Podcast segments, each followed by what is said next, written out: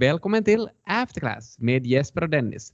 Och jag är Jesper, så då är du Dennis, perfekt. 2021 Dennis, vad är nyaste nytt? i mellandagarna så hörde du att Marimekko kom med en nyhet. Ja, men berätta gärna mera.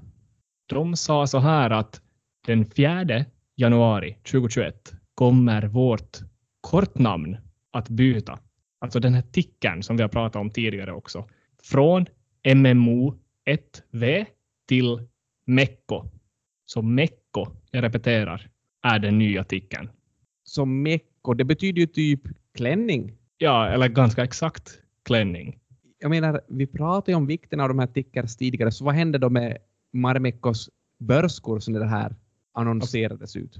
Alltså första dagen såg man en uppgång på 4 procent. Så att jag tror investerarna gillar vad man såg där. En positiv nyhet. Ett smidigare kort namn, kanske inspirerat av After Class med Jesper och Dennis. Jag vet inte. Ja, vi ska komma ihåg att den här uppgången ledde till att Marimekos marknadsvärde ökade med 14 miljoner. Så det är stora pengar vi pratar om här. Det är inte småpotatis. Tror ju att det är det här som har lett till att vi har fått in ganska mycket förfrågningar. Jag har några som jag tänkte att kanske du kan hjälpa de här personerna med att hitta en lämplig ticker. Ja, låt höra bara. Så först har vi fått in någonting från Tapio Pajoharjo. Han är 57 år från Moranä. Moramä. Okej. Hej Och- Tapio. Tapio skriver så här att han, han är VD över en stekhet nykomling på finländska börsen. Hur varm ungefär? Ja, det är 80 grader står det här i, i mejlet. Okej. Och han undrar lite att vad skulle ett, en passande ticker för hans bolag vara? De sysslar med spaavdelningar och bastur. Okej. Speciellt kanske bastukaminer. Bastukaminer. Kort namn på det. Vad ska jag slänga ur mig? Sauna, kanske? Eller ännu bättre, Löulu. Ja, Lölu. Kanske det skulle vara någonting. Ja, så Tapio, ta med dig Löulu härifrån. Jag skickar det här direkt till Tapio at harvia.fi. Jag har fått in mer. Så här har vi David på 43 vårar. David Rönnberg från Stockholm. Eh, han har en, ett företag som sysslar med lite så här sådana husdjursaffärer. Kanske kring en 200 återförsäljare och där säljer de kattmat och hundmat och kanske lite djurleksaker. Okej, vad, vad är den nu, nuvarande tickern då? Han skriver att hans bolags nuvarande ticker är Musti. Och nu, nu vill han ha lite mera sting i det där, eller? Ja. Eller ändå på mjukare sidan. David känns som en ganska vågad person. Då skulle jag kanske, du sa kattmat, jag skulle rekommendera Miau. M-J-A-U. Skulle inte vara bra.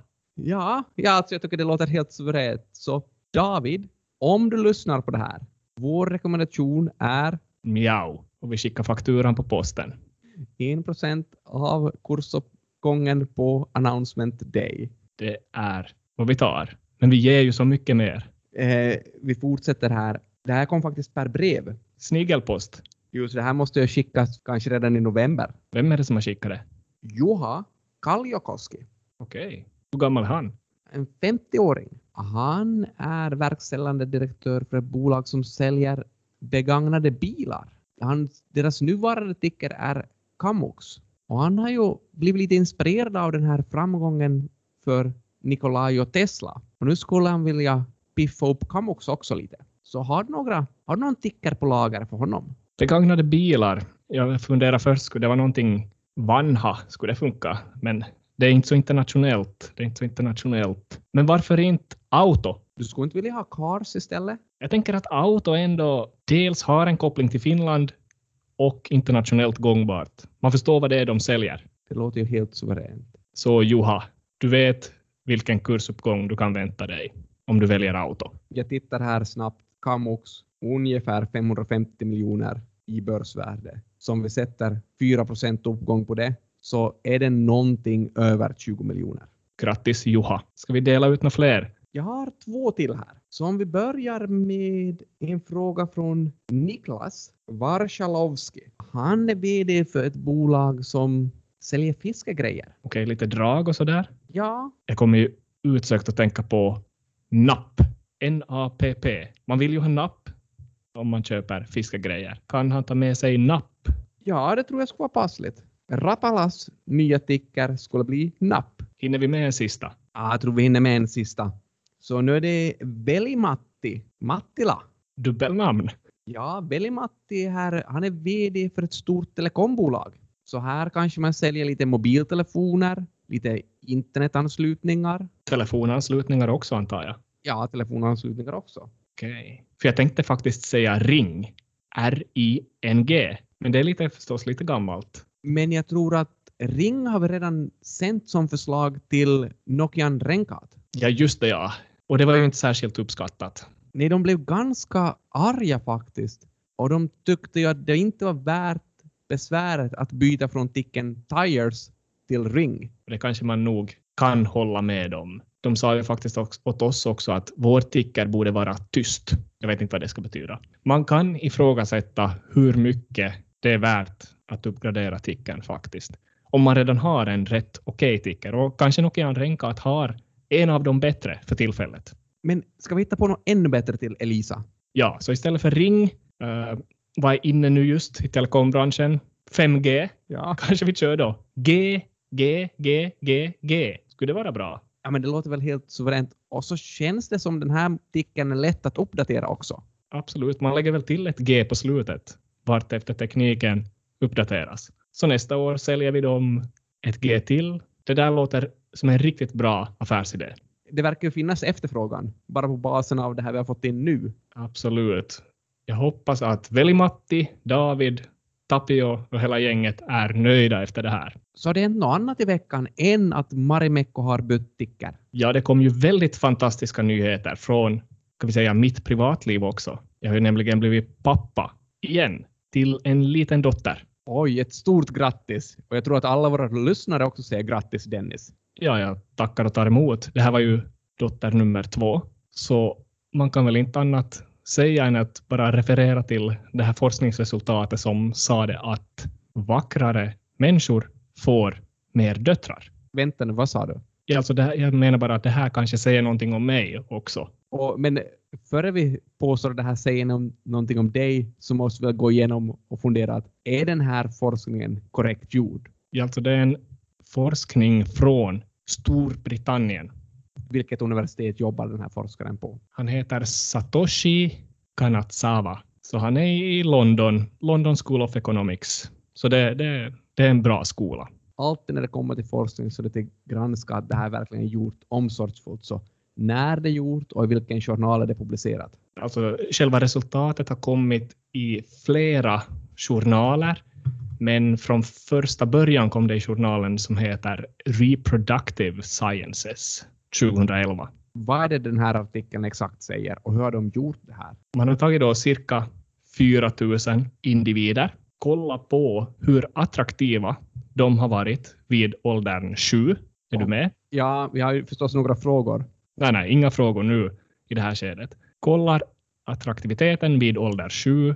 Sen går man 40 år framåt i tiden och helt enkelt bara kollar vilket kön var deras första barn. Då visar det sig då att de som har varit mer attraktiva vid åldern 7 hade större sannolikhet att få en dotter som första barn. Och det här är då kommit fram med en sån här regressions, logistisk regressionsanalys. Man har kontrollerat för kön, ålder, utbildning, social klass, inkomster, höjd, längd.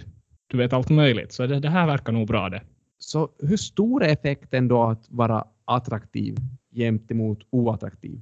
Så hur mycket förändras sannolikheten att få en flicka? Jo, alltså de här som blev kategoriserade som attraktiva fick ungefär 50 procent söner. Så hur många de, procent flickor blir det då? Ungefär 50 procent. Så där är det ganska lika. Men de som blev eh, kategoriserade som oattraktiva, så proportionen söner bland dem skulle vara 56 procent. Så om jag så, förstår det här rätt så bara 44 procent döttrar? Ja.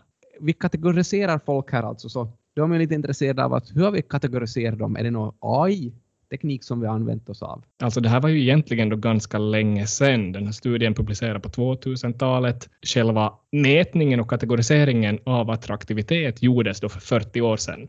Så lärarna kategoriserade barnen i attraktiva fack och icke-attraktiva fack. Och sen någon, kollar man 40 år efter så där är resultatet. Var det med frågor? fanns det några skalor där? Eller var det bara, var det bara etta för attraktiv och nolla för oattraktiv? Eller fanns det nå, någon skala? Ja, alltså man hade också man hade liksom en, en femskalig grej där. Att det är attraktiv eller oattraktiv, looks underfed, abnormal feature eller scruffy and dirty. Det var det man hade att välja på. Men inte vet jag då, skulle jag ha blivit lagt i det här attraktiva facket? Det låter lite så. Men alltså, känns det för det första okej att lågstadielärare utvärderar elevernas utseende? Och känns det som det här är som bra forskning? Ja, det är, det är många frågor här. Och man kan förstås tänka tillbaka på sin egen lågstadietid. Hur skulle man ha blivit, blivit kategoriserad? Det beror förstås kanske också lite på beteende. Nej, men det är många, många frågor faktiskt. Tror vi att man går igenom sånt här på Peffan? Hur man kategoriserar attraktiviteten hos barn? Ja, det borde man väl enligt det här. Men den här skalan, kanske man borde se över den här skalan lite. Så jag är lite, ställer mig lite frågande till om du kan använda den här artikeln för att påstå att du är vacker. Men en sak är i alla fall klar, att det var en dotter. Och nu har jag lite saker att stå i, så vi hörs väl nästa vecka med nya insikter i After Class.